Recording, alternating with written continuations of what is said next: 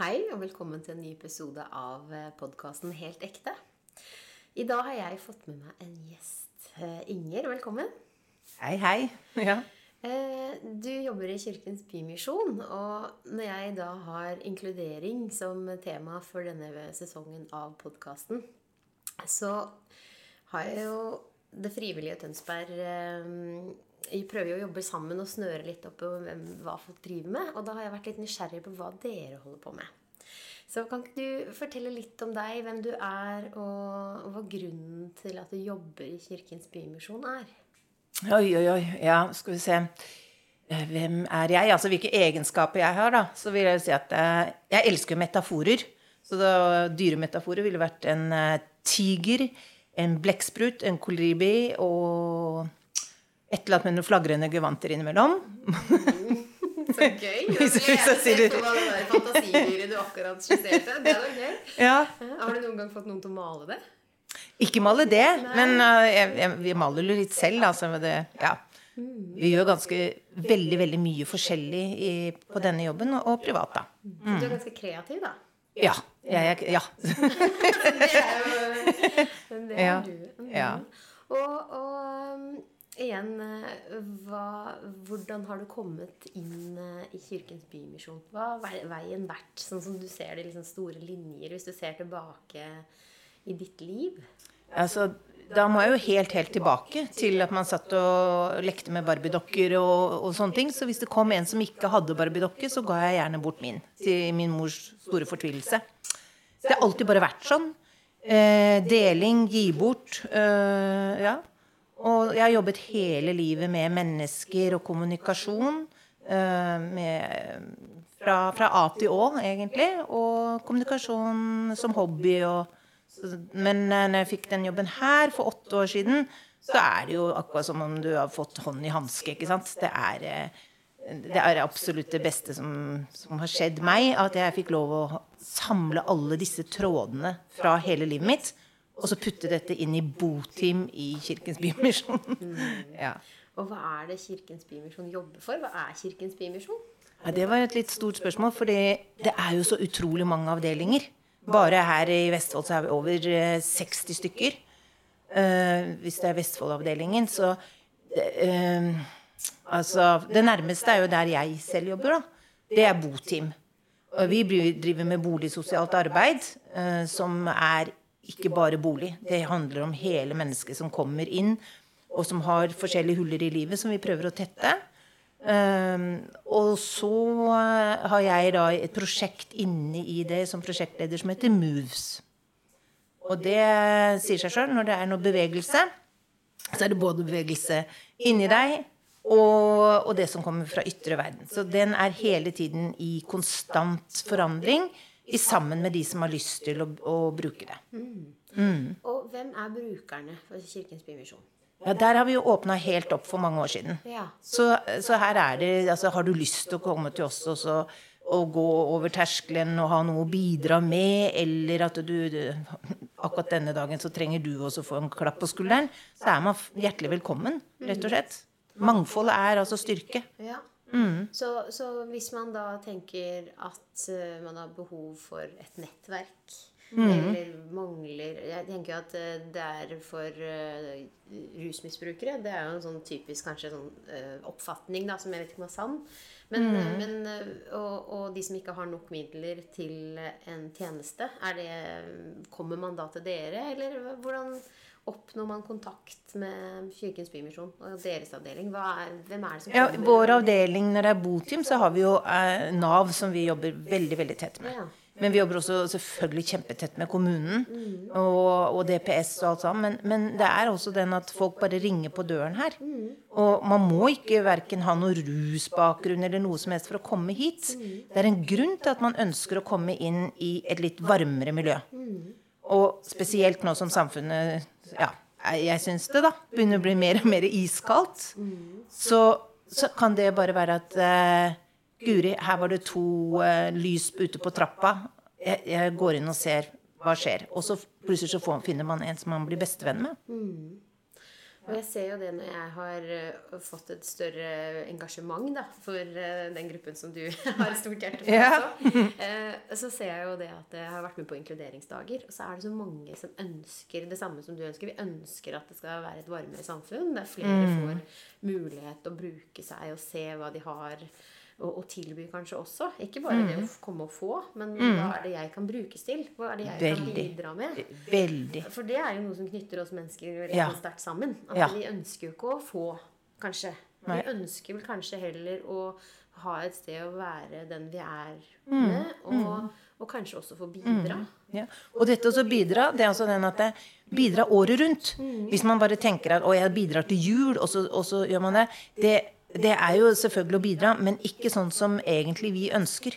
Vi ønsker at det, det å bidra det Først gjør du det med hjertet. Og for det andre så er det nettopp det. Bruk deg selv. Kom og bli frivillig her. Og, den, og den pensjonerte som f.eks.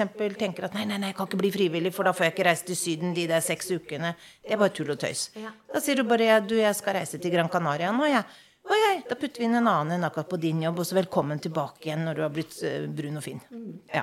For det er jo et paradoks at det er så mange ensomme mennesker i Norge. Ja. Og det er jo så mange som trenger bare det å være menneske. De trenger kanskje Mm. ikke pengene dine. De trenger bare deg som et menneske. Å være Mm. et medmenneske og ha noen å prate med. ja mye, mye det, det metter mye, mye mer Ja. å få smil og glede og latter en kveld enn en kanskje en brødskive. Ja. Det er ikke det. Og den, den juletankegangen, den, den ønsker jeg folk snur litt, grann, og så tenker hele året rundt. Ja.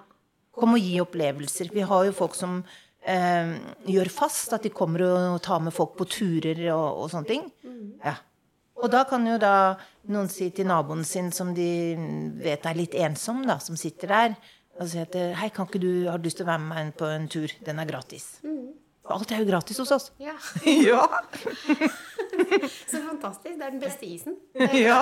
Ja. Ja. Men eh, s- du, Og jeg, da jeg prata med deg Vi hadde en fin telefonsamtale for, eh, før sommeren. Ja. Og da fortalte du jo om alt det du gjør, og du var og pussa opp leiligheten til en du hjalp. Og, og det virker jo som du har veldig mye energi og gir veldig mye av deg selv. Har du alltid gjort det? ja. Alltid vært armer og bein. Ja. Ja, det, jeg, vil, jeg vil si det. Så, eh, så igjen tilbake til det at det, kanskje det å komme et sted som man kan få lov å bruke hele sitt potensial, da. Men altså, det fordrer jo, det fordrer jo sånne herlige eh, teamkamerater og sjefen min Julian og Det fordrer jo alle disse menneskene som, som høyt under tak og, og gir meg frihet. For hvis man setter meg i en firkanta liten bås og sier 'fyll ut disse to skjemaene', så øy, da er jeg borte. Men Ja. har du noen gang blitt utbrent, da? Når jeg hørte deg. Du gjør jo veldig mye, og du gir jo alt av det selv. Men det er jo også en sånn innafor en viss grense så kan man jo kanskje bruke litt for mye. Har du noen gang kjent på den der grensa, eller er det så givende for deg at det, uansett hvor mye du gønner på, så er det Mm, Nei da, jeg har jo møtt veggen, jeg, som, som, som de andre. Men du kan si altså hvis man ikke har møtt veggen, da, så det er bare kun i motvind en drage lærer å fly. Ikke sant? Sånn at eh, alle disse eh, knockoutene jeg har fått i mitt liv, det er jo det som gjør kanskje at man forstår de man prater med, og at man kan hjelpe videre. Jeg kan også si at eh, du vet hva, skal du ha litt av min historie, eller? Ja. Så litt den å bjuda på, altså det, det er noe Det er superviktig. Ja. Det ser jeg også i connection med andre mennesker. Så Mm. hvis man åpner litt opp og viser at det er ikke det supermennesket kanskje som Om man ønsker å gi uttrykk av det, eller man bare ser ut som det fordi man alltid har et smil og alltid Mm. pågangsmot og Den, det var en her, men den kan vi ikke ta. Ja, det går bra. det er sånn det er. Ja, ja, altså telefonen er jo både privat og på jobb. Så ja. så det er samme telefonen. Ja. Ja, ja. Så, så er du tilgjengelig alltid? Det kan man ikke være. Nei. For da brenner man seg ut. Ikke sant? Eh, Men man vet jo når man får en telefon, så vet man jo hvem det er, eller hva det er, og da vet man jo at å ja, nei, den tar jeg ikke, og denne må jeg ta. Ja. Det har vi lært oss etter mange, mange år. Så du setter de grensene du trenger for å holde Setter de grensene, og apropos det med grenser, så skal vi lage et sånn girl power-tiltak. Og det er nettopp det med å lære å sette grenser og sånne ting. Og da snakket jeg med hun som skal drive biodansene med oss og si at har du, den, har du noen dansemåte som er det å sette, lære å sette grenser? For vi driver jo med biodansa Jeg kan ramse opp masse vi driver med. Eh, Og da det sånn Ja, det var kjempegøy! Ja. Og så er det hun som skal drive en malergruppe, så jeg, da må du ta temaene fra Girl Power. Så ja. Så. Så bra. Og jeg har faktisk en avtale med en danseterapeut som skal komme i denne podkasten og snakke litt om det med Og hun har jo da studert det med traume. Og, Ja. og hva faktisk da studier bak at dans kan være veldig godt i bearbeidelse av traumer. Mm. Så det du, ja, hva, hva var grunnen til at du kom på med dette biodansa? Der danser man ut bare Hva er det dere gjør i biodansa? Ja, Der kom ikke jeg som kom på det, men det var en frivillig Elisabeth hos oss som, som kom og sa dette fine ordet, som jeg syntes lød veldig fint, og, og, og jeg stolte veldig på henne. Og da sa jeg hva, hva er bivirkningen på denne dansen, da, som jeg pleier å si. Og da lo hun, og så sa hun ja, det er glede. Ja. Da da tar, kjøper vi fem stykker av de, og så ser vi. Og da var det akkurat det jeg så. Jeg så at det var glede, men jeg så også det at det var sårbarhet. Og at man gråt. eh, Også dans kan løse ut mye. Og da tenkte jeg nå må jeg faktisk, som ikke skal være instruktør, tørre også å kjenne på den. For det er også den at du kan bli litt overtøff da, når du er den som alltid skal være der. eh, der. Og det, det har jeg gjort, da. Så det begynner vi med i oktober, så det er bare å komme. Mandag klokka tre på bedehuset. Og da kan jeg komme og danse? Ja, ja, du kan komme og danse. Ja. Ja. Ser du hva det er. Ja. Og så har jo da Imi og Kristine som har det, så har de et annet kurs på, på kvelden f.eks. som du kan komme hvis du har lyst til å fortsette med det og sånne ting. For jeg har jo følt på det. Vi har jo nok. Og likevel, før sommeren så dro vi til Kirkens Bymisjon og lånte utstyr. For vi, vi visste jo ikke at vi kom til å bruke det så veldig mye. Og så tenker jeg det er miljøvennlig å låne heller enn alltid kjøpe nytt. Men så føler man jo liksom Tar jeg noe fra de andre? Eh, men hva tenker du om, om sånne ting? Føler du at det, Er det en vanlig tanke, eller føler du at det heller er en styrke at jeg da bruker deres tjeneste for å normalisere det, sånn at man ikke tenker at det er et tabu å få Ja, hjelp, for ja. Ja, det er akkurat det. det altså Alle skattkamre som du snakker om der, da, der skal alle kunne låne det. For, for altså, alle mennesker trenger å bli mer miljøbevisst og gjenbruk. ikke sant? Vi har jo egen butikk på Sem som driver bare med gjenbruk. Uh, og det her er jo skattkammeret i seg selv. At hvis det bare var de som ikke hadde råd til de slalåmskiene, så ville det jo bli med en gang at Å, kommer du fra skattkammeret? Men når alle låner, det er det som vi er ute etter. Ja. Ingen skiller. Nei. For det har jeg hørt på de som driver med på Røde Kors der også, på Fellesverket, at det er noen da som kanskje ikke har lyst til å være der fordi det er bare én type gruppe. Så de er redd for da å skille seg ut ved å være der. Og, og jeg tror disse tabuene, det å invitere alle, og ikke bare de som, de som ikke har penger til det, eller de som er sliter, eller at man får en blanding, da. Altså den eh, redsel, skam, alle disse ordene her som, som alltid demper et menneske. da. Eh, Så, og så kommer du Sånn som vi har noe som heter Positivt hjørne, som eh, en foreslo nå for meg. Kan vi ikke strikke sånn som i gamle dager? eh, Strikke mens vi skravler om ting? Jo, det gjør vi, det gjør vi. Det er alltid den som Når noen kommer med idé, så, så er det veldig viktig å sette de i gang. Ja. Så der må jeg bremse litt. Altså, jeg kan ikke, kan ikke sette i gang absolutt alt. Men prøver å gjøre det alt mulig. Og, og, og så kommer det folk som sier ja, men du, jeg kan lede det, jeg. Jeg kan gjøre det og det. Og, og så, det ordner seg alltid. Det er helt herlig. Det er en ordentlig flyt. Ja. Ja. Og alle disse prosjektene som dere setter i gang, er det sånn at da ser dere, hvis de er populære, så blir de værende? Da, da fortsetter de å formidle, og så ser at det, da blir det en sånn kontinuitet? kontinuitet? Så som etterpå nå, så skal jeg opp til kollasjgruppa. Ja. Så det er Anne Marie Grøtterud som har den gruppa og koser seg med den. Og, eh, og den har jo gått i årevis, men nå, nå begynner, så viker dem noen ganger plassen for noe nytt som vi kommer inn. Ja. Og så tar vi brukerundersøkelser og spør hva vi ønsker dere. Så kommer det opp jo, vi ønsker kollasj. Aha, da er vi inne igjen. ja. Ja. For jeg tenker jo da at eh, når jeg har begynt å tenke på hva en frivillig organisasjon som jeg sjøl vil forme, så er jo dette dette. ja, ja. Når man ikke vet helt hva dere driver med, så kan man ikke heller joine det. Men da er det jo mye bedre hvis vi Det er målet mitt da, med å høre hva de forskjellige frivillige gjør. Til å, å samle det litt. Sånn at vi øker kunnskapen og ser hva dette kan jeg bidra med. Da trenger man ikke finne opp kruttet på nytt. Da Da kan man faktisk eh, spille på lag og, og dra litt i det arbeidet som dere har gjort i mange år. Med å se ah, hva er det, hva er det, hvilken tomrom kan jeg fylle med min kunnskap og, og, og mine midler, da, eller mine ja, muligheter. Så der er det sånn jeg ønsker å finne litt ut av. Og, og det, dere har jo et samarbeid med Nav om, om midler. Og din stilling, hvem er det som betaler for din stilling, da? Ja, så Næringslivet er jo utrolig viktig for oss. Og så er selvfølgelig Tønsberg kommune utrolig viktig. Og, og sånn, og så er det jo gaver fra mennesker. For, for Kirkes Bymisjon, vi, vi har ikke statsstøtte. Nei. Så vi får, vi lever av de midlene, og så må vi søke om forskjellige prosjekter inn til forskjellige stiftelser for å få igangsatt. Så, så det er jo Altså, alt det jeg driver jeg driver med Jeg hadde jo ikke klart dette her i det hele tatt hvis ikke jeg hadde hatt da Gunn og Juliane som sitter og skriver eh, de fleste av søknadene og sender alle disse tallene. Fordi, for dette, fordi vi er så forskjellige, så får vi til så innmari mye. Eh, for hvis man skulle romme alt dette selv, det hadde, det hadde iallfall ikke jeg klart. For det, ja, jeg, jeg, det kreative hodet får lov til å være kreativt, og det er helt herlig. Og det er jo ikke sånn samfunnet vårt er skapt, kanskje? Nei, nei, nei, sånn er ikke vi skapt. Vi, tør, vi, er livredde. Vi er jo livredde Vi vet jo ikke hva synergieffekt er engang. Ikke sant? Eh, noe sånn som eh, både Røde Kors og Frelsesarmeen og oss eh, kommer til å gå inn i mye, mye større samarbeid. For vi ser jo det at oi, vi kan bidra så veldig mye sammen. Ja. Og, det, og, da har vi begynt å forstå den spiralen som jeg brenner for, og det er synergieffekt. Så bra. Ja. Så slipper man å sitte der og føle at man krangler om de samme midlene. Er det det liksom det har vært før, eller er det fordi man ikke har åpna på kanskje, kanskje, man har hatt for mye å gjøre på hvert sitt hold. ikke ja. sant? Men det, selvfølgelig ligger det noe der. Det ja. gjør jo det. Man er alltid redd for de tingene. Og det, det burde jo ikke norsk stat egentlig. De burde jo egentlig ha gitt penger nok til frivillige eh, organisasjoner som jobber, så at man slapp dette her, egentlig, da. Sånn sett sånn uh, fra stjernehimmelen, hvis man tenker det. Men, men, det er en stor jobb å samle inn nok midler for å sette i gang ting.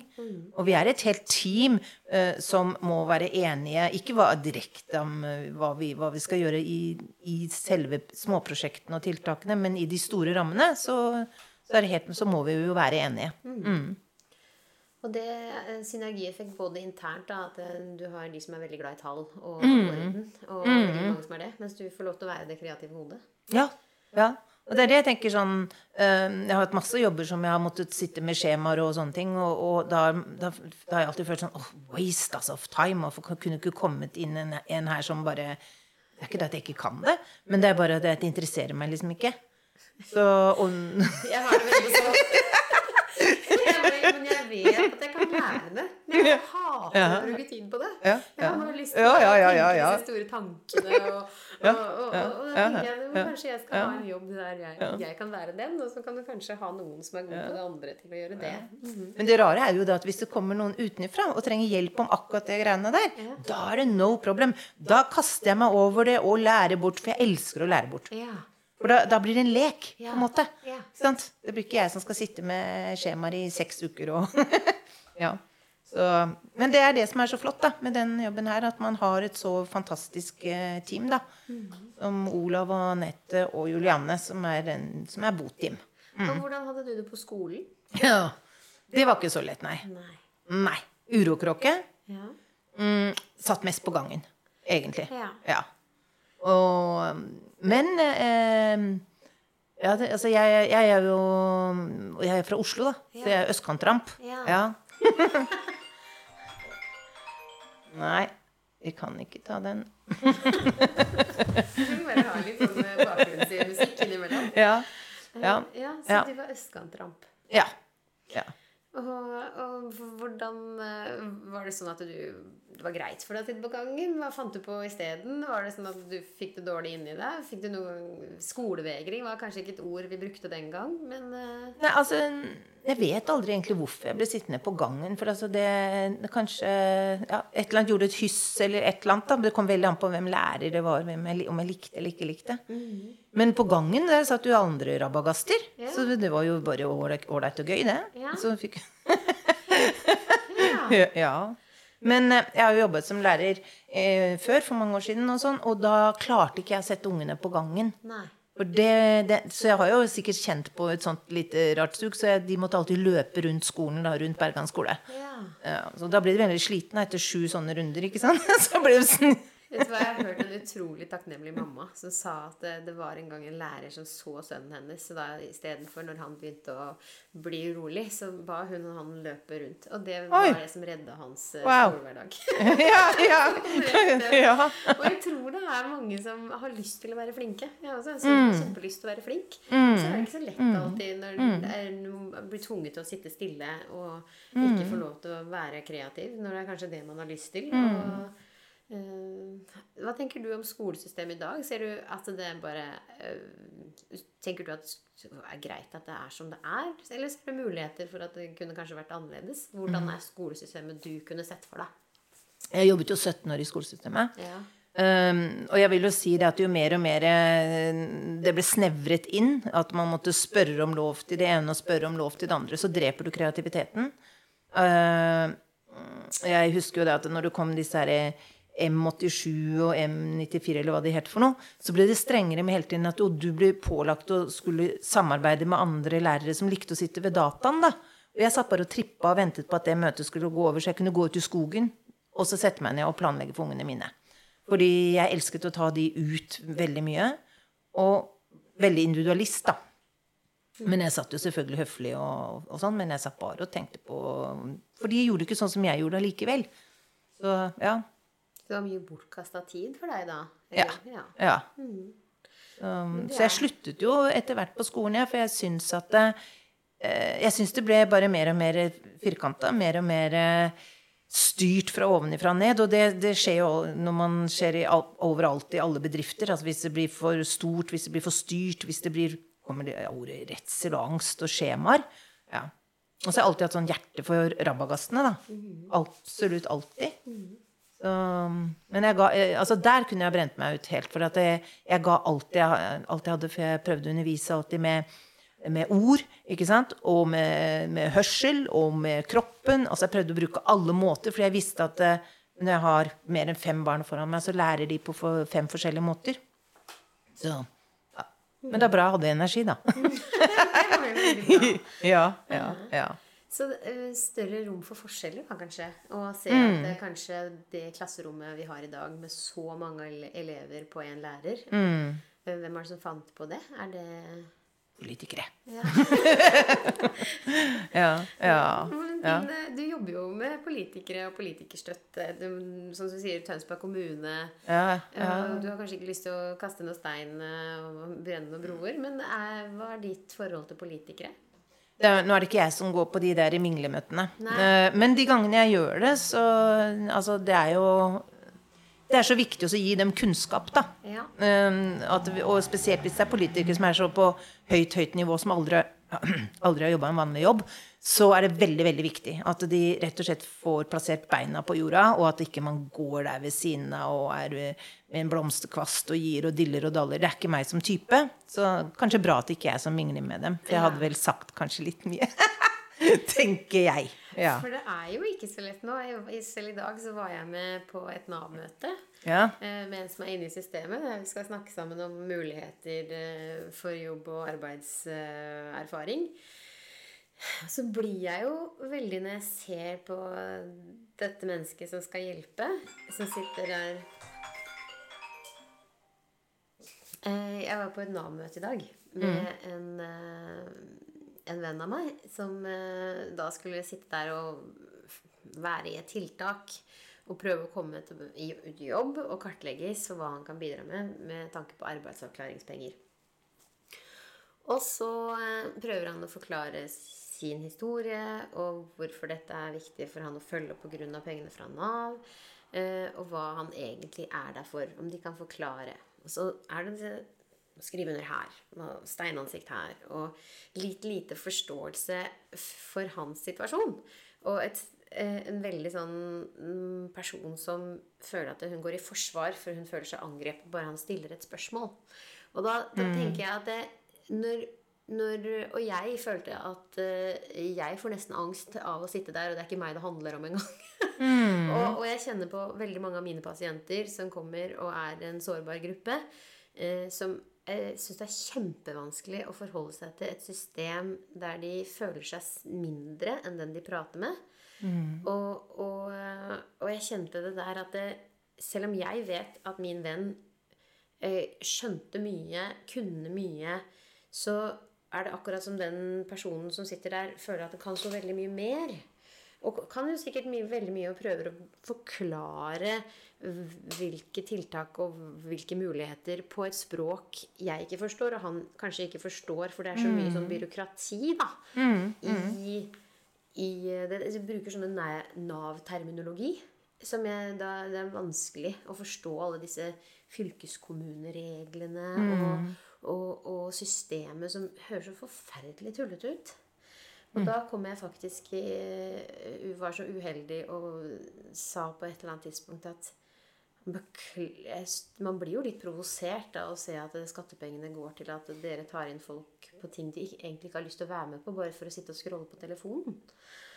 Og da ble hun sint. Og da følte jeg jo Oi, nå har jeg eh, eh, Så da fikk jeg høre at dette var veldig lite respektfullt. Og, ja. Så jeg kjente at da bare vi har vært på ett Nav-møte og fått meg en uvenn i systemet, så kjenner jeg at det er kanskje veldig angstfremmende for veldig mange, da. Mm. Er det historier du noen ganger hører?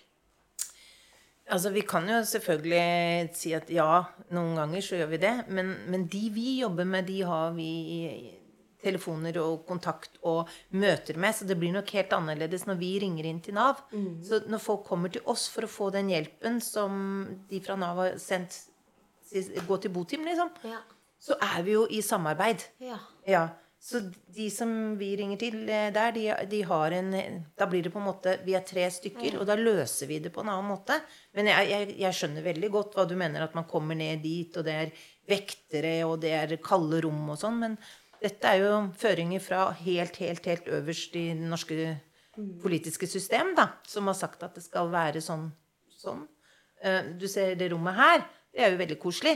Det er også litt rotete, med helt med vilje. Ja. Det er ikke strigla her, og det skal ikke være det heller. For det skal være når du kommer inn, så skal du kunne slappe av.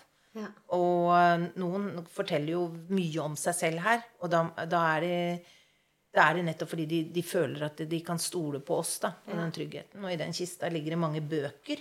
Og noen, så lurer jeg alltid inn i spørsmålet om du liker å lese. Og hvis det er ja, så får jeg liksom gitt bort en krimbok eller en romanbok. Og det føles bedre når du kommer på utenfor at du står inn og holder en bok i hånda di. Ja.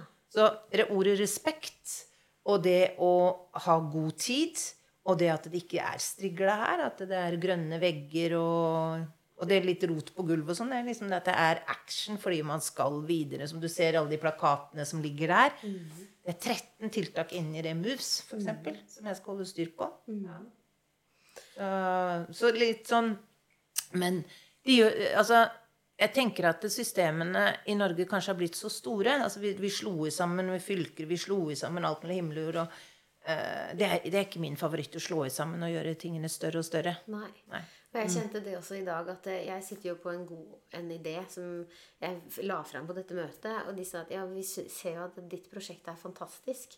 Men eh, sånn som systemene er nå, så har vi ingen handlingsrom til å la det være en del av løsningen her, da. Selv om vi egentlig så for seg at det kunne vært en veldig veldig god idé. Både for vennen min og for meg og for Nav. Men sånn som systemet er, så er det ikke mulig. Nei. Og da tenker jeg at vi har eh, Vi har ikke rom til å være mennesker, og da når systemet får styre over fornuften, så er det jo en svakhet, tenker jeg. Og så er det jo da igjen mitt kreative hode, så må jeg jo lære disse reglene da å spille på eh, lag med systemet. Så jeg prøver jo da å finne ut av hva kan være av midler og og muligheter til å videreutvikle akkurat et system som Det kan være f.eks. en uh, samhandling da, med Nav, f.eks. Hjelpe de pasientene til å bli bedre til å tenke og ta ansvar for kommunikasjon med Nav. Be om hjelp, f.eks. Ha noen å be om hjelp. Men det virker jo som dere også har, er en sånn sted, da. Der dere Ja, vi ser muligheter, vi. Ja. Altså, vi. Og så er vi jo veldig heldige, da. Vi jobber jo ikke under vedtak. Nei. Så den friheten der, den, den gjør jo det at det, ikke bare ser vi muligheter, men det er noe av grunnen til at jeg jobber her. Det er at det er så utrolig kort vei fra det ordet jeg gir ut, til det handling. Ja. Og jeg handler. Ja. Jeg, jeg har aldri sagt at det er sånn og sånn og sånn, og ikke handla. Ikke sant? Altså, vi, vi kommer i mål, da. Ja. Og, og vi kan bli litt slitne, og vi kan bli med, med det ene og det andre, men vi kommer i mål. Ja. Og det er, vi bosetter jo ganske mange enheter i, i løpet av året. Og det er ganske mange mennesker som går inn og ut av disse prosjektene og har det, har det gøy og bra, og bygger sine egne nettverk. Eh, vi har, disse avdelingene som er på huset her, samarbeider. Ikke sant? Kommer, har barn og familie kommer opp og gir en liten bunke med kinobilletter. Er- Er det noen du syns skal dra på kino? Eller vi har fått billetter fra Foynhagen. eh, Og da engasjerer jeg da en som får ansvaret for å dele ut det til de andre i, om sommeren. Og så går du på konsert. Så at det er veldig mye som skjer. Så skulle egentlig hatt en svær tavle på den grønne finneveggen og så skrevet alt som, som skjer, da. Men eh, Men Moves, eh, kan ikke du fortelle litt eh, Fordi jeg, jeg har jo også hørt f.eks. om en PT som eh, kan stille. ja. Eh, Og så snakka du om et kokkekurs. Eh, Er alt dette inni Moves, eller er det Alt er inne i Moves. Ja. Eh, altså, jeg husker jo nesten ikke, vet du. Sånn jeg, kommer og på underveis alt som er. Men sånn som biodansen, den snakket vi om, ikke sant? Ja. Og så har vi collage. Og så har vi PT-en, som er kjempeherlig. Og som har prøvd å trene ute. Som har prøvd å gå opp til der man kan finne folk hvor de står og ikke bare står og henger ved bussgreiene. Eh, Nå sist så hadde hun én-til-én. At de var bare inne én og én og hun hadde 15 minutter, som hun ga da forslag litt for ernæring og øvelser til akkurat hva det mennesket trenger. Og jeg, å, jeg har vondt i knærne. Da, da jobbet Rita med knærne. Ja. Sant? Og, og, så skal hun nå videre eh, Hva var det? 14. november så kommer hun og skal snakke om ernæring. ja. Men det er sånt nydelig frivillig menneske som kaster seg på og, og, vil, og vil hjelpe. Ja. Og bjuder på seg sjøl. Ja. Alle de som kommer, de bjuder på seg sjøl. Ja. Ja. ja. Og det er sikkert også de typene du møter på på gata som faktisk smiler til deg når du går forbi. For det også, vi, vi har slutta å smile til hverandre når man går på fortauet. Og det er, det, synes- det er veldig trist. Altså, mennesker bruker mye mer krefter på å se i, i, på en husvegg nede i asfalten, snu hodet vekk, enn de krefter du faktisk hadde brukt med å bare tatt et smil og et lite nikk. Ja. For det, det er jo veldig rart i Norge at ja, vi ser jo bort. Og jeg føler meg litt rar når jeg smiler til folk jeg ikke kjenner. Men jeg får alltid et smil tilbake. I dag trodde jeg kjente en dame på bussholdeplassen og bare smilte. Hun smilte kjempeherlig tilbake og var så glad, så det ut som. Ja, folk blir så pene når de smiler òg. Men smil er det som smitter, smitter mest. da. Og jeg ga jo ungene mine i lekser eh, alltid sånn innimellom at eh, finn, finn et menneske som ser kjempelei seg, altså, i løpet av helgen, og så smiler du. Ja. Altså, det, det er jo helt merkelig. Hvorfor skal vi ikke smile? Nei. Nei. Og det var, I hjernen vår så er det sånn at hvis vi er lei oss og smiler fysisk, så blir vi gladere. Da utløser vi en del hormoner. Så det virker jo faktisk begge veier. Er du lei deg, så smil mer. Ja, for det, du, det er her, bare på de hjørnene med, med, med Hva heter det, da? Munnvikene. Ja. Så det, har du 81 muskler Ja. som går rett opp. Og som går rett opp til hjernen, som må sjekke serotinlageret. Bare, wow! Har vi nok serotiner? Hun smiler. Nei, det stemmer ikke. Oi, vi må, vi må, vi må lage. Hjernen Jeg må ikke begynne å snakke med meg om hjernen, for jeg har, jeg har dilla på hjernen i mange år sånn der for lenge siden. Da. Jeg har gjort mange foredrag, og jeg har gjort mye rart om hjerner og om fargenes eh, intelligens og himmel og hav. Men jeg var litt for tidlig ute, tror jeg. Ja. Ja. Men det har jo kanskje tidligere blitt ansett som veldig alternativt. Ja. Fordi da har man ikke hatt nok dokumentasjon på at det har vært riktig. Nei. Mens etter hvert som man har fått noe, mange leger som sier at dette er riktig, så begynner man å tro på det. Ja. Eh, og, Eller farger og lysterapi når du kommer Ja. inn, i, inn i hotellkjeder. ja, Ikke sant? Ja. og hvordan fargene påvirker psyken vår. Ja. Ja, ja. Og du kan si, nå selger de jo kurs som er stillhet. Det må være veldig enkelt å være kursholder på det. Det er jo bare helt stille. Eh, eh, og jeg har hørt også nå eh, om veldig unge pasienter som de drar ut i skogen og får føle på hva natu at naturen helbreder. Ja. Og det er jo Man kan liksom si 'oi, så bra'. Men samtidig blir jeg veldig lei meg, fordi jeg var ute i skauen hele tida. Hver gang jeg ble utvist og sånn på skolen, så stakk jeg veldig ofte også ut da, i skauen noen timer. Og, øh, men det er vi har en hel generasjon som ikke er i, har vært ute i skogen i det hele tatt. Det er fint at de lager kurs hvor du går ut, men det er veldig trist at vi som liksom sier vi er født med ski på beina Ja, nei. Vi, nå, må vi, nå må vi finne ut at det, det er naturen som, som fant på det først med alt som heter ja, medisin og natur og helbredelse. Det er helt, helt klart. Og så tenke på det med at man skal gjøre alt så riktig. Man må gå på yogakurs for å lære Ja. å puste og bevege seg. Ja. Og så må man ta et kurs innenfor alt. Men, og det tenker jeg kan man ikke bare lytte litt innover. Hvordan føles det godt å bevege seg? Mm. Føles det godt å bare stå og vifte med armene, eller Mm. puste og kjenne og høre på musikken, eller men vi har liksom slutta å lytte til oss selv. Da. Vi må lytte Mm. til en kursholder for å kjenne på at ja, det er jo faktisk deilig å gå her i skogen Mm. og lytte til stillheten. Er vi, er, altså, vi fjerner jo oss fra oss selv, da. Altså, hvem er du? Det blir jo en identitetskrise for folk, for de vet jo ikke hvem de er. For da må de opp eh, med iPhonen, da, så må du slå opp 'Hvem er jeg?' liksom, og, og TikToker og alt mulig. Men nå er vi jo inne på et tema som er høy egoisme og narsissismen, som bare råder mer og mer, eh, og som er si, det, det, vi, må, vi må gå den helt den andre veien. Da. Men en, en gruppe mennesker går den andre veien også. Sant? Vi ser jo at vi kan ikke fortsette dette her. Vi kan ikke fortsette et forbruk som det som man driver. Men så er det en annen gruppe som ikke skjønner det. da. Og det er jo igjen mitt mål. Og hva, hva er det vi kan gjøre for at du, du også beskriver nå to grupper i Ja, samfunnet. Og ja. det blir jo polarisering, og det er jo eh, eh, Hvordan skal vi få dette her disse to til å forstå hverandre, respektere hverandre og se at vi har noe å lære kanskje av hverandre. da. Eller at man kan dra hvert fall nytte av at vi er forskjellige. Sånn som i denne lille arbeidsplassen. Som er et eksempel som, som samfunnet burde være, sånn som jeg ser det. da. At du er superkreativ. I dag ville du kanskje blitt diagnostisert med ADHD. Og blitt medisinert fra du var liten. Og så kunne ikke du bydd på den fantastiske jobben du gjør. Nei, og det er litt morsomt det du sier der, Cecilie. fordi at eh, når jeg var elleve år eh, på Rustad skole, da, så plutselig kom hele bøtteballetten med både rektorer og helsesøstre og noen par til og opp til mamma og pappa. Og med noen skjemaer og sa at de gjerne ville teste Inger for hyperaktivitet. Og vi tror hun kommer til å score litt på disse skjemaene. Og da lo jo bare de, og så sa de tror hun kommer til å score over deres skjemaer.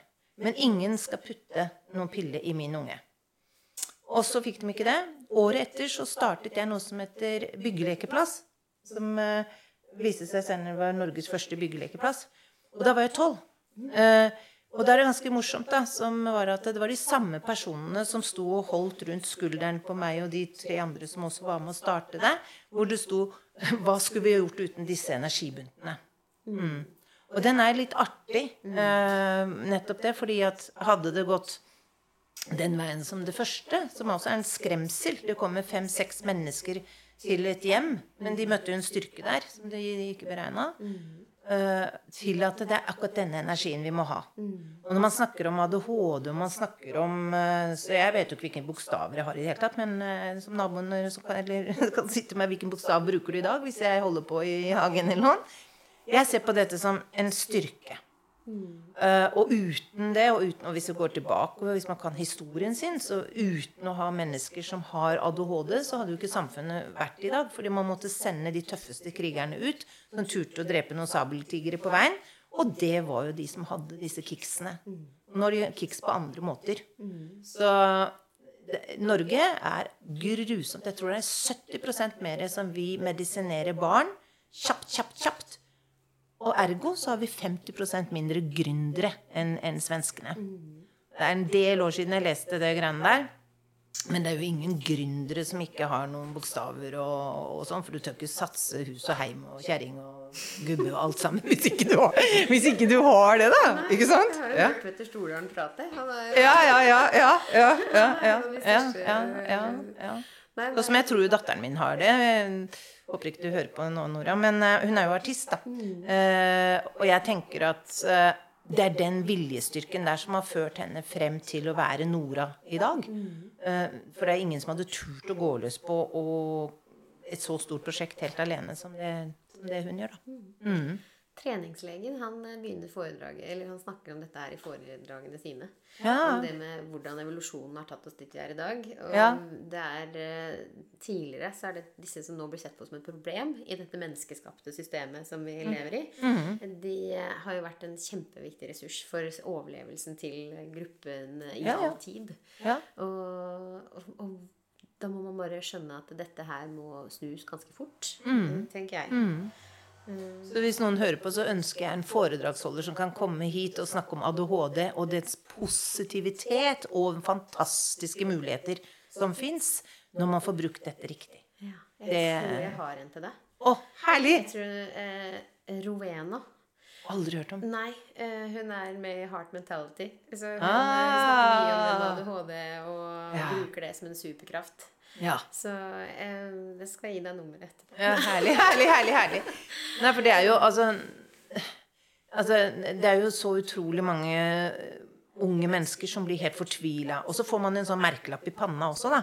For altså, man blir jo diagnosert med sånne bokstaver man ikke eh, Sånn som eh, når jeg var ferdig med lærerskolen, eller var midt i lærerskolen, så kunne jeg jo alle sammen greiene, men jeg hadde ikke lært meg nynorsk så godt, så der ble jeg tatt som det het. Sånn at eh, det ble oppdaget at jeg hadde dysleksi. Uh, og så sier de dette er arvelig. Ja. Men når hun ringte hjem og sånn, og så sier de at er det deg, eller er det deg? Nei, det er, altså, det er helt kjempespørsmålstegn. Begge de to ante jo ikke noen ting i det hele tatt. Så de var jo da veldig godt voksne. Når den ene måtte finne ut at hun hadde hatt dysleksi hele livet, men hadde hatt en sekretær som hadde tatt og retta alle brev, så han ante det ikke. Nei. Og jeg måtte sette meg ned og si hva er dette for noe? Ja. Er dette en begrensning? Og så kom dyskalkuli, det kom masse sånne ord. Og sånn og himmel og hav. Og det gjorde jo en begrensning, for jeg skrev veldig mye dikt og sånne ting. Og det gjorde en begrensning en stund. Mm. Men så overtok naiviteten, da sikkert. Så, så satte man i gang igjen. Ja, ja. Så klart at det, det er ødeleggende på den måten at når man sier det, så sier man det jo i tonefall Og diagnosen din er Istedenfor å si at Vet du hva? Du har snev av ADHD, du! Så du kommer langt! Bare bruk den energien, da! Hæ? Himmel! Ja. Og det er jo det som er den store forskjellen. Og, og når det kommer mennesker inn eh, og hilser på deg og sier liksom ja, jeg heter Kari, og jeg har ADHD, jeg skjønner det, så blir jo det helt feil. Ja. Isteden, og det er jo det ja. Her er det min som Men det var litt koseligere enn min, Ja, da. det var bare læreren jeg hadde her om dagen. Ja. Nei, så det, det er innstillingen. Altså, det er innstillingen vi har til andre mennesker. Altså, det er bare å prøve å snu oppførselen din sjøl, så snur andre oppførselen sin mot deg. Altså, man sier, 'Hvordan kunne du tilgi det, Inger?' Hvordan kunne du det og det? Jo, for det første har jeg ikke råd til å være bitter. Og for det andre så ønsker jeg, ønsker jeg at folk skal, skal snu. Og så da er jeg raus nok jeg, til å drite i det der som har skjedd. Eller eh, ja, at du prøvde å lage snublefot eller et eller annet sånt. I år, altså fra, fra tidligere. Ja. Så ja, jeg brenner jo for underdogs, som Nora sier. Hun er jo girl power, da. Vi skal må jo bruke henne på kickoffs, tror jeg. Eh, Så er det liksom Det å ta vare på underdogs, det å ta vare på de som er annerledes, det er ikke å ta vare på de som er svake. De fins ikke svake i det hele tatt. Det er for å prøve å løfte de opp, så dere, de derre nordmissene som er firkanta, som tror at de er så sterke Sorry, dere hadde ikke overlevd i det hele tatt. Det er de stridsmarte som hadde gjort det hvis noe hadde skjedd. Det er en styrke som ligger der i det å møte motgang hele tiden. Å få dragen din til å fly opp og fly opp. Og den burde Norge bruke på en helt annen måte. Jeg er helt enig. Gi penger. Gründer. Bruk ideer. Gi til artister penger før de blir kjent, og ikke gi dem det etter at de blir kjent. Svenskene gjør motsatt, vet du. Ja. Og jeg kjenner jo litt på det der med at uh, underdogs At heie på underdogs. Så har jeg kjent på en liten sånn uh, Søsteren min og jeg, da. Vi Ja. har hun på en måte kritisert meg litt, fordi jeg har vært nordmisen. Ja. Mens hun har heia på underdogsene hele livet. Og det har jo jeg også. Ja. Eh, Men samtidig så føler jeg en liten sånn eh, ikke-respekt for hvilke kamper jeg kjemper som nordmiss. Og det også er en sånn ting som man eh, den, Når vi snakker om at vi har to leire, da. Vi har en som er nordmissene og de oppa. Og så har vi underdogsene som har kjempa en kjempeutfordrende eh, Hatt en vanskelig barndom. Ja, hatt større kamper, da. Og kanskje en større sårbarhet og er sensitive og tar inn my- mye. Men, men den gjensidige respekten til hvilke kamper For det er jo mange av disse legene, for eksempel, som da har eh, vært i en barndom, sitt samfunn, prøvd å være flink, prøvd å please, prøvd å være noe for alle andre. Som egentlig aldri tar et bevisst valg. Eh, som bare havner i mm, et forløp da, om å havne på Riksen. Og så havner du med unger, for det er andres forventning. og, så, og så skal du være best på overalt. Og det var jo en som tok livet sitt nå for litt siden. Og jeg hadde jo Ja. eh, forrige episode Mindfulness-legen, som viser også disse som kjemper en kamp, men kanskje taper kampen. da, Fordi Mm. de aldri lærer å vise den motstanden. Mm. Og den kjenner jo jeg nå at det plutselig i en alder av 40 da er jeg også blitt rebell og ser at men jeg er jo egentlig kreativ. Jeg, jeg er jo egentlig Mm. litt sånn som deg, men så har jeg prøvd å skinne i alle andres øyne hele Mm. livet. Så det er først nå som jeg kjenner etter hva er min stemme. Hva er det jeg vil? Så, så jeg er, heier jo litt på det at man skal se at alle er mennesker. Om man da er en nordmiss eller en underdog. At alle er de samme menneskene, men de viser ikke fram. Vi har vært vant til å holde maska vår for å passe inn i det samfunnet som er den største boksen, som vi prøver å holde oss inne med. Så, så det er jo liksom målet at vi alle skjønner at du er ikke noe bedre her oppe. Eller du er ikke noe Men vi blir som motpoler, da. Fordi vi ikke tror at uh, vi kan være sånn som de som gjør andre ting. enn- Da tenker jeg at vi har veldig mye å lære av nederlendere. Ja. Nederlendere har jo den at du også, Om du er den legen eller det og det, og du får en kjempedårlig dag eller hva som helst, så er de på en rosa parykk og sykler i byen og bare skriker ut. Det er ingen som reagerer så voldsomt, for det er deres måte å, å, å få det ut. ja. Ja. Så altså igjen er det dette her at man, man skal lage sånne scods hele tiden på alt mulig, istedenfor å eh, Altså, vi har én planet. ja. Ja. Én rund planet. Og der, der klarer vi altså å lage kriger og bråk og ditt og datt. Og så når du tar zoomer det inn, så er det kriger blant naboer med noen grenser og noen gjerder og noe helt fjollete greier. Altså, vi har ikke den rausheten overhodet. Og hva er det vi driver og karrer til av? Det er ikke, det er ikke lommer eh, på likskjorta. Det er ikke det. Så det er kanskje den Kanskje noen må miste noe for å finne noe. Ja. Kanskje er det i ferd med å skje noe nå. Kanskje Jeg elsker jo Jeanne d'Arc, da. Så, Eh, sånn at er samfunnet Selv om det nå virker kaldere og kaldere, er det samtidig Ulmer det samtidig at det er At folk begynner å reise seg og begynne å finne sin stemme? Og da skal man ta hånda til Normisen og hånda til Bråkvært, og så legg de to sammen. Da, og så se hvilken kraft som kan, som kan komme. Da, men det er jo det, at vi er jo I Norge så er vi jo styrt hele tiden fra storbondene, vant til å bo på, på sånne små sånne plasser og eh, si, ta av hatten og bøye hodet når presten kjørte forbi, og legen og alt dette her. Eh, vi gjør det fortsatt, da. Men vi gjør det med det politiske systemet.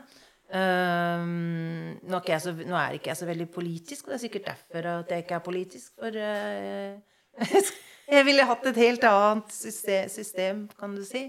Det er så mye som er spill. Det er så mye som ikke er ekte. da. Så når du starter denne podkasten som heter Helt ekte, det er to sterke ord. Og når du setter de to i sammen, så er det akkurat det er mitt største ønske. At mennesker begynner å bli helt ekte. Det er eh, Ja, det, det, da skal man ha levd veldig lenge. Jeg ser jo veldig mye av konkurranse, så er man jo redd for å tape. Ja. Og veldig mange eh, beslutninger rundt eh, av politikere er jo frykt for å ikke være populære. Ja. Og veldig mange dårlige avgjørelser som jeg ser, det blir tatt av frykt. Eh, og, og hvis man da eh, frykter hverandre, så er det lettere at man tror dårlig om naboen sin, f.eks. Mm. Eller om den andre. Så frykt, eh, det fører jo til hat. Som er det motsatte av kjærlighet igjen. Og når du sier da det der med Og det er jo en klisjé, men kan man ikke bare ha, fokusere på kjærligheten, så får man det av den, og så får man kjærligheten mellom nordmissen og de som og det, ja, for det, jeg, jeg er helt sikker på at det hadde gått helt bra. ja. Fordi det, det handler jo om eh, Jeg har jo forslag på mange rare prosjekter her som vi ikke har fått, fått gjort noe med. Men altså sånn som integrering, da, så hadde jeg en idé som er den motsatte integreringen. At man begynte med hus og steder for å fortelle at nå kommer det en familie som er det og det. De skal bo i det huset her. Hva kan vi syv familiene her gjøre for den familien? Hvor mange av dere har barn som er rundt 11 år? Hvor mange har en jente på 16? Og sånn og sånn. Og så hadde de fått lov til å sitte og bestemme som gruppe hvordan skal vi gjøre dette her? Og ikke, ikke sånn julegavegreier at det, kommer de, og så får de 50 par ski, liksom. Men på en normal, fin måte bli tatt imot. Mm. Ja. Og så er det jo litt trist at man trenger noen til å sette i gang disse gruppene. Hva Mm. om vi alle bare tar det ansvaret eh, når det er noen i klassen? Eller, Mm. Og det har vi sett at eh, vi har gjort mye. Vi har fått kjempegode venner. Som vi aldri ville ha fått hvis ikke vi hadde turt å være litt unorske da, og åpne opp. Mm. Men, men det norske i oss, det gjør at det er Jeg mange som stiller spørsmålstegn til hvordan vi har valgt å eh, involvere andre eh, mere enn hva som er norsk normalt. Da. Mm. Nei, hva om de kommer for nært? Blir det ikke vanskelig å si nei? Eh, hva, om, eh, hva om de forventer for mye? Det er sånne spørsmål som ofte dukker opp. Så det er sånn, ja, men faktisk så er ikke det noe problem, for vi har en gjensidig respekt. Og de ønsker ikke å motta noe mer hjelp fra meg. De, de har mye mer lyst til å bidra mer enn jeg har lyst til Eller gir. Mm. Og det er jo den derre eh, Når man gir noe, da. Sånn som du også. Du får jo tusen ganger så mye igjen. Ja, ja, ja. Og det er jo ja, ja, det man Men, men så er det den der frykten for at det er noen som skal gi for mye. Og det er derfor jeg tror at hvis vi har en sterkere syke Det er som du sier, den der Mm. eh, woman girl power. Hvis vi lærer å sette grenser, hvis vi lærer å sette grenser for oss sjøl og ikke bli pleasere, Mm. så bare Ja, men da har man jo enda mer å gi. For da har man jo lyst til å gi uten å føle seg som Mm. et offer fordi man blir brukt. Da har man bare lyst til å bidra enda mer. Og det må vi starte med allerede i barnehagen. Ja. Altså, Alle snakker om at skolesystemet sånn og sånn, men altså, det er jo i barnehagen som er de viktigste årene. Altså De som jobber i barnehagen, er de som, som er de viktigste personene, faktisk. På, på at vi, altså, vi, må, vi må starte der. Og du ser unger som får lov å leke med hverandre i alle, alle farver og i alt mulig sånn. Det, det går så fint som bare det. da. Det er når eh, man blir eldre og, og redsel, og det kommer at eh, du går i 9. klasse og er jente, og alle sammen har mørkeblå jakke, og alle må ha lys, eh, lys hestehale. Det er ganske trist, da. Og da blir den raringen som går og hopper rundt med, med rosa tresko og sånt, sånn, den blir jo en, en, en på utsiden. Mm. Og da skal du ha enorm styrke hvis du skal klare Ja. Så, Fra det er ja. sosiallæreren på Ringshaug. Hun sa jo det at det var jo de som kler seg annerledes. Ja. Og de som blir utenfor og gjør andre ting. Så sier hun at ja, du kan gjøre det på denne måten, men da må du bare forvente motstand. Er du sterk nok til den? og det er jo litt trist at du må kjempe deg gjennom for å være annerledes. Men hvis du klarer å holde den eh, stilen og den tanken og være seg selv uten å bli medisinert, så kommer man jo sikkert mye sterkere ut i andre enden da. Det gjør man, og man bør ikke tenke bare under medisineringen. For jeg gikk på Skullerud skole i Oslo, som var helt ganske, ganske ny. Og der var det altså fra, fra kunstnerbolig til politi, politiboliger og sånn. Vi hadde jo sånn i Oslo at det, det var, de bygde 17 hus, og det skulle bare være politi. 17 hus var bare det. Og så var det sosialblokka, og så var det det. Så at de blandet da på den skolen så sinnssykt mange forskjellige eh, som, Og puttet de også første pakistanerklassen også der. Eh, så det ble, altså, det ble jo ikke noe bra. Men jeg visste jo ikke, fordi jeg ville være venn med den som var der, og den som var der, og den som var der. Men da, hvis jeg skulle ha Moncler-jakka, så kunne jo ikke jeg gå etterpå og sette meg med kunstnerne med afghanerpelsen. Og så kunne jeg jo ikke kanskje gå og, øh, og, og lese poesi sammen med en pakistansk venninne. Så jeg kledde meg jo da bare sånn som ingen andre gjorde. For da gjorde de jo ikke noe, for da sa de Og der kommer Inger.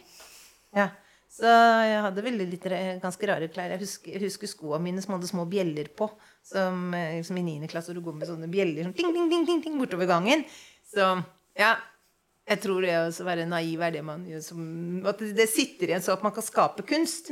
At man hadde det. Men det var rett og slett fordi at jeg var venn med alle.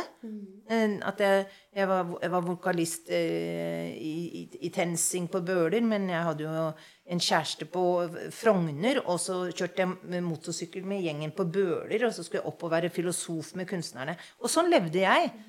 Og det, var, det høres jo ut som foreldrene dine var ganske fantastiske, da, som lot deg være alt dette her. Jeg vet ikke om de fikk det med seg så mye. Nei, Men de det, lot deg få friheten til å gjøre hva du ville, da. jeg dro ut av huset, jeg, og så, og så hadde jeg, fikk, hadde jeg sånn, litt sånn sminkeskrin ute i skauen lite grann, og tok det av og på hvis det ja, Så jeg tror jeg var en liten kameleon, ja. Så gøy. Og jeg er veldig sånn med, med bokser. Vi har veldig mange bokser, og nå er det veldig mye snakk om identitet og alle disse Ja. kjønnsinndelingene. ja. Og, og jeg tenker jo at det er kjempefint at alle skal få lov til å være den legningen de er, sånn som de vil. Men hva er poenget med å lage flere bokser der man må finne en boks å passe inn i? Kan man ikke bare få lov til å være sånn som du, da? Ingen. Og ikke passe inn i en boks? For det har jo fungert kjempebra for deg, det som. Ja, ja, ja. Og det blir det samme som den hvis du får alle disse diagnosene overalt. Da, så får du sånn at du er stempla i panna, at eh, det står når du, når du hadde kikhost, og når du hadde det og det. Altså, du får jo fokus på det. Og du, alt du får sette fokuset mot, det, det, det, det blir det jo mer av. Jeg er helt enig med deg. Jeg har aldri, jeg har aldri vært dømmende. Kommer aldri til å være dømmende. Det, så når det kommer noen og, og, og sånn, så graver jeg ikke i noen sånn historie engang. Og jeg kan si her sånn på- Jeg bør ikke vite din historie for å hjelpe deg videre nå. Nå tar vi fra nå. Hva mangler du? Ja. Ofte så er det mat, da. Sant? Eh, og samarbeide med Frelsesarmeen der. Og, og så har vi den fantastiske kafeen vår der. Altså det er Men man må, nå har jeg jobba her så mange år, så nå vet jeg jo uh, hvor jeg kan putte de forskjellige menneskene for å få hjelp, da. Ja. Så, men vi må ha flere frivillige mennesker inn, og det er ikke skummelt. Du kan være frivillig én dag i uka. Kanskje du bare kommer er frivillig og holder et miniforedrag om frimerkesamlingen din. Så tar jeg det inn i moves, jeg. For det beveger jo hjernen i det å se på alle de frimerkene. ikke sant? Altså, det er ikke en eneste ting som du ikke kan komme og si Du, kan jeg bidra med det og det? Så jeg er sikker på at jeg skal finne Ikke boks, da, men jeg skal finne Jeg skal finne en dag, og, og at eh, Dag eh, markedsføring lager en plakat som er fin, som vi henger opp, og så kommer det folk. Men sånn som jeg har inntrykk av, da Hvis man har lyst til å være frivillig altså Hvis du er psykisk syk eller uh, rusmisbruker, utelukker det deg da som en frivillig? Hvis du er, har, hvis du er i rusen, så, man, altså, så skal det være to år fra. Ja. Men i prosjektet mitt, for eksempel, så kan man jo komme og være min assistent, hvor jeg er der hele tiden på den, hvis, man- hvis man ønsker det. Og da går det fort. To år. Så du kan også da rykke opp til å bli frivillig. Men jeg utviser ikke mennesket som menneske når det kommer og er rusa. Jeg utviser på en måte, eller sier er det stoffet du har innabords nå, den alkoholen du har innabords nå, det kan ikke være her. For det, det, det, kan, det er ikke helt bra. Sånn. Men kom tilbake med en, gang, med en gang det er ute av kroppen din. Da er, det, da er det jo ikke deg som har blitt utvist. Det er det du var så dum og putta i deg. Akkurat der og da, da. For det er jo veldig vanskelig for veldig mange ensomme mennesker at de føler at de er en belastning for andre. De føler at det er veldig slitsomt å omgås andre. Så det å jo kanskje være en frivillig eller være sånt, er- at det kan være veldig skummelt, da. Har du noe råd? Er det noe du tenker at har de godt av å være her? Føler du at det, Altså, hvis, når man er ensom, så er det jo fordi man mangler mennesker å prate med. Ikke sant? Det, no, de fleste kan ha en liten hund eller en katt og sånn. Men hvis man ønsker noen å prate med, og, og, og sånt, så er det jo sånn som det kollasjkurset som vi skal etterpå. Det er jo det å sitte der. eh, Man skravler, man ler man, altså Det er ikke så mye servering. Det er litt kaffe, og så vet jeg ikke hva de har tatt med i dag. Noen av de frivillige tar med noe og sånn. Men det er kosen. Og du sier jo det, alt er jo gratis. Gå i All- sitte og skravle. Ja. Men det er mange av de tilbudene dere her som høres Ja. som veldig gode helsebringende effekter av Ja. eh, helt gratis tilbud. Helt gratis. Og når du da går der, så får du jo greie på det foredraget som kommer nå 11. oktober med Inger-Lise Wendelboe, som handler om både sorgarbeid og deg selv. Og det kan alle komme på. Det er, skal jeg si riktig dato. Skal vi se. 11. oktober på bedehuset klokka 14.15. Ja, da, da, da er det en coach som kommer og holder et foredrag. Og når jeg spurte øh, hvor lenge blir det, nei, det er opp til deg. Så vi liker oppgaver og litt to og to-prat og sånn, så da vet vi vet ikke hvor lenge det blir. Nei. Så det, det må vi si være, være åpen. Ja. Det er veldig eh, inspirerende å høre på hva dere får til. Jeg, ja. jeg tenker jo veldig mye, og det er veldig mye av det jeg ser for meg i et prosjekt jeg har lyst til å skape, som dere allerede har. Og det gjør jo igjen veien min veldig mye kortere, for da har jeg en samarbeidspartner som Ja, ja, ja, ja, er godt i gang, og så kan jeg fokusere på de tingene som jeg ser enda jeg kan gjøre. Ja. Vi skal, vi skal ha Altså, jeg elsker å pushe folk òg. Så jeg pusha folk veldig mye til eh, f.eks. ordet gongbad. Ja. Første gang jeg hadde det, så var det seks stykker som turte å melde seg på. Og det er en del år tilbake. Og så, kom det, så spredde jo de det litt, og så ble det 16. Og siste gang som Inge Joar Holst kom og holdt det, så var det 36 stykker som jeg hadde eh, da teppe, underlag og overlag til. De andre som kom inn, hadde ikke, rett og slett, men de bare la seg på gulvet. Og når det kommer brukerundersøkelser, så er det gongbad. Men jeg brukte fire år på å gjøre folk trygge fra sånne ting. Ja. Og det er jo for Gongbad, det visste jo ikke jeg hva er. Men kan ikke du fortelle hva gongbad er? Det høres som nå. Når jeg vet hva det er, så hører jeg det ordet. Men før så bare trodde jeg det var et eller annet utenlandsk Ja, det, er, det er jo lydbad. Og disse, alle har sett sånne munker som sitter og mediterer, og så slår man på en stor gong. Doing! Og det gjør man jo for at hjernen skal stoppe å tenke. Og hvem av oss er det som ikke ønsker det? At, uh, at hjernen skulle få helt fri. Og spesielt de som har veldig mange sånne hoppe- og danse- og sjohei-tanker. Så, men han spiller jo på ikke bare én sånn. Han spiller jo på åtte-ni stykker. Og det er altså Disse vibrasjonene går inn i kroppen din, og de vibrerer inni kroppen din. Det er jo noen selvfølgelig som sovner. Og det er akkurat som du Hodet ditt flyter i eh, lydbad. Ja. Og så er det Det har skjedd noe rart med deg fordi du har ikke tenkt en eneste tanke. Det er ganske spennende. Og hvis man blir litt sånn Guri, hva skjer nå? For nå kom det den dype lyden. Så bare fokuserer man på pusten sin og, og sånne ting. Men når jeg er der sånn, så går jeg, jeg går aldri ned i sammen med de andre der. Jeg passer litt på og ser reaksjoner. Da, for du må alltid vite at, at noen kan reagere med redsel. Da. Mm.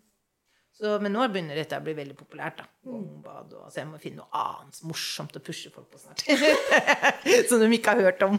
Jeg har blitt invitert på gongbad. ja, ja, ja. det blir slutten av februar. Ja. Ja, Da da- da er du invitert. kanskje det er noen andre som tilbyr det også. For jeg tror ikke det er her på Kirkens Bymisjon jeg har fått uh, invitasjon. Men Nei. er det bare her det er? Det er Nei, nei, nei. Nei. Han reiser rundt eh, Han eh, Inge Joar, han, han reiser rundt hele verden, han. Ja. Ja. Så han er jo sånn master, master, mester, mester. Ja. Ja. Så jeg husker jo ikke hvordan jeg kom bort til ham. Nei. Det husker jeg ikke. Kan du ehm, eh, huske alle du har vært borti? Du har jo sikkert møtt veldig veldig mange mennesker. Er I så? mitt liv? Ja. Uh, jeg er vel som alle andre, da. At hvis noen plutselig sier noe, så kommer du på noe. Det blir jo som en, en lukt som du plutselig lukter, og så Oi! Så husker du et barndomsminne. Så jeg er ikke sikker man husker akkurat hva personen heter. Men jeg tror, jeg, som kjæresten min sier, at du har jo hukommelse som en rev. Ja. Så, så det, Ja, jeg, har, jeg, jeg husker nok ganske bra. Jeg gjør det. Så, og så glemmer jeg ganske bra. ja. Eh, Er det noe om eh, deg og Kirkens Bymisjon eh, eller eh, noe i den samtalen som du ønsker å Som føler at det ikke er sagt, eller noe du hadde håpa jeg skulle stille spørsmål om, eller eh, Nei, men det, det var jo så enkelt. Du sitter og ser på deg nå. Jeg glemmer liksom den mikken som er her, da. Ja, altså, eh, jeg må jo bare innrømme det at eh, vi hørte jo litt på Jeg og Juliane, vi hørte litt på den, dine postkasser. Så sa du får spørsmål om hvem du er! Og da liksom Hvem er jeg? Hvem er jeg? Så jeg gikk og spurte forskjellige kollegaer. Hvem er jeg? Og jeg fikk jo mye rart, da. Eh, og jeg spurte kjæresten min hvem er jeg, og sånt, så jeg ble jo bare rett og slett forvirra. Altså, jeg tenkte nei, gud av meg. Så jeg var, endte liksom fra tiger til kolibri til alt mulig. Det var, liksom, det, var, det var, det var liksom da det endte sånn, da, for at jeg fikk jo helt panikk. Så um, Men at jeg er et menneske som alltid blir nysgjerrig og graver veldig dypt for å finne svar. Det, er- det sånn jeg alltid vært. Eh, og, og det interesserer meg hele tiden å så finne ut mer og mer og mer. og mer, Men, men nå som årene har gått, på en måte, så føler jeg jo det at um, ja, hva skal jeg si for noe? At det, man, aldri, man aldri utlært eller noe sånt. Men uh, min jobb er å lære de yngre av alle tabber man sjøl har gjort, og av alle ting man har oppnådd, og gleder man har oppnådd, og, og de tingene. Og det er igjen ordet 'bjuda på seg sjøl'. Og, og, og hvis noen sitter inne med en eller annen skam eller hva som helst, og så har de hørt et radioprogram eller podkasten din da, om akkurat det temaet, og så skjønt at 'Hæ, jeg er ikke aleine', så ups, så forsvinner det. For altså, når det kommer ut og blir delt, så pulveriseres det. Så ja. Tanker Og det er det faktisk podkastepisoden med Stjernekast. Stjernekast Ah. som skriver eh, disse fine stjernekastene som mange føler trøst i. For det er noen som klarer å sette ord på en følelse som de har hatt, og føler det så ensomt og føler det på denne måten. Og så klarer hun å sette ord på den smerten, og de føler seg mindre ensomme, og det føles liksom at de kan stå i det, og at de føler seg tøffe, da. Ikke, ikke som ofre, men bare ja, det her er min kamp. Eh, så, så det Mm. Alle sier kjemper jo en kamp. Ja. Og, det, og det er det man vet at det, Jeg tror ikke det går et menneske her på denne kloden rundt og ikke har kjempet en kamp. Da må det jo være helt Ja, ja. Men Og alle har forskjellige kamper. Og alle har jo forskjellig hva sjela skal lære. Noen skal lære om avvisning hele livet. Ikke sant? Og det, det er tøffe tak. Men igjen, da det, Jeg har det, den som ligger der, den derre bildet av den øh, hun som løper med den dragen. Det er fordi det, det bruker jeg veldig ofte. At eh, Tenk hvordan du har fått løfta den dragen. For du, for du har så mye motvind. Så du, men du klarer å løfte drager. Mm. Hvis du tenker store drager. Ja. så fy søren så sterk man blir av all motgang. Det, man skal, og denne redselen og disse tingene som folk tenker på og sånn. Det er bare å ta hånda til hverandre, så, vi, så er det enorm styrke i det. Det er det jeg tenker, Cecilie, at hadde vi turt det ja. Det gjorde de nå med jordskjelvet uh, i Marokko. Så er det nettopp det som kommer frem, at det er naboer og nabolandsbyer og sånn som kom og hjalp. Ja. Og det er jo faktisk en av grunnene til at Homo sapiens utkonkurrerte de tidligere menneskene. De, så, de menneskearten som var før Homo sapiens, de var mye sterkere, mye mer sterkere individer. Mens de ble utkonkurrert fordi at Homo sapiens er sterkere sammen. Fordi at vi har en voldsom kollektiv intelligens, og vi har en styrke når vi klarer å spille mm, på hverandre. Og det er jo igjen når man eh, Jeg bruker det noen ganger til de som føler seg sva, eller sensitive og Eller som er disse sensitive som, som er tap... Eller som faller utenfor, da. Eh, en eh, bilde som jeg syns er veldig fint på gjeterhunder. Fordi de filma gjeterhunder gjennom et døgn. Og så så de at de som er veldig sterke og tøffe og jager bort eh, det som er truende, ulver og sånne ting, de er veldig tøffe på dagen. Mens om natta så ser de at det, det er disse sterke hundene som ligger og sover. Mens de som er, ser ut som de pysete, som ikke har noe å gjøre, de er de som sirkler rundt hele flokken med sau. Og disse gjeterhundene som gjør jobben om dagen. De sirkler rundt, og de er sensitive, og de værer sikkert innmari godt disse farene som er rundt. Og varsler hvis det er noe. Og det viser jo at vi trenger hverandre. Vi har forskjellige kvaliteter. Spennende. Og så er vi sterkere sammen. Men det er det som du sier, da. Det det, vi mangler. Vi har favorisert eller sett det ene som sterkt og det andre som svakt. Mm. Og så er det en ubalanse. Og, og hvor den ubalansen, det er jo en egen podkast i seg selv, kommer fra. Ja, ja. Helt upside down. Det er bare å snu helt alt. Du skulle hatt et som het bare Oi sann, nå slo jeg nesten en stykker. En upside down, altså er alt upside down, da. Det, er det, det, ja. Men jeg tror vi trenger en balanse mellom de sterke og de svake. Eller i vårt samfunn de sterke og de svake. Men vi bare ser hverandre De som de menneskene og Ja, de kvalitetene man er. da. Altså, de menneskene som sliter, som jeg har møtt mye av, selvfølgelig, og sånn, det er jo de som er mest sensitive. Mest snille. Mest gavmilde. Ja. Altså, det er jo bare å ta seg en tur på, på kafeen vår. Og øh, øh, før så kos- kosta det 20 kroner. Og kom det en inn som ikke hadde det, så var det nesten alltid en som reiste seg opp og spanderte på 20. Mm. Prøv å gå på en eller annen vanlig kafé her i byen, da, så går du inn. Du kjenner ikke de, eller sånn og sånn. Det er ikke så veldig mange som reiser seg opp og spanderer en uh, svinekotelett til til 320 kroner på deg. For det er akkurat det samme. Så det, dette her å være snill og god, det å være så følsom, det er også det, Da tåler du ikke dette kuldesamfunnet så mye, da. Så jeg, jeg kunne ikke jobbet med noe annet, jeg. Nei. Men egentlig så har jeg likt alle jobbene jeg har hatt, da, men Ja, ja, ja. Jeg elsket å jobbe som lærer på Bergan skole, selvfølgelig. Og med rektor Vigdis som, som forsto og som så. Ja. Og som var helt herlig. Og som alltid gikk barbe- barbeint rundt og lette etter skoa sine. Det er sånn der, det levende, herlige mennesket. Så Men uh, her blir jeg. Ja. Her blir jeg. Og jeg håper vi får litt med hverandre å gjøre framover. Ja. For jeg jeg det Ja. er veldig hyggelig. Og Ja. jeg tror vi skal drive litt idémyldring eh, hvis du har tid til det etterpå. Ja, ja, ja. ja, ja, ja. ja. Så tusen takk. Du er et fantastisk menneske. Tusen takk for Tusen takk. ta denne praten med meg. Tusen takk. Og så sier jeg bare takk for nå. Ja. Det var helt herlig. Dette var veldig, veldig morsomt å få lov å være med på. Så, mm -mm. Takk, takk. Ja.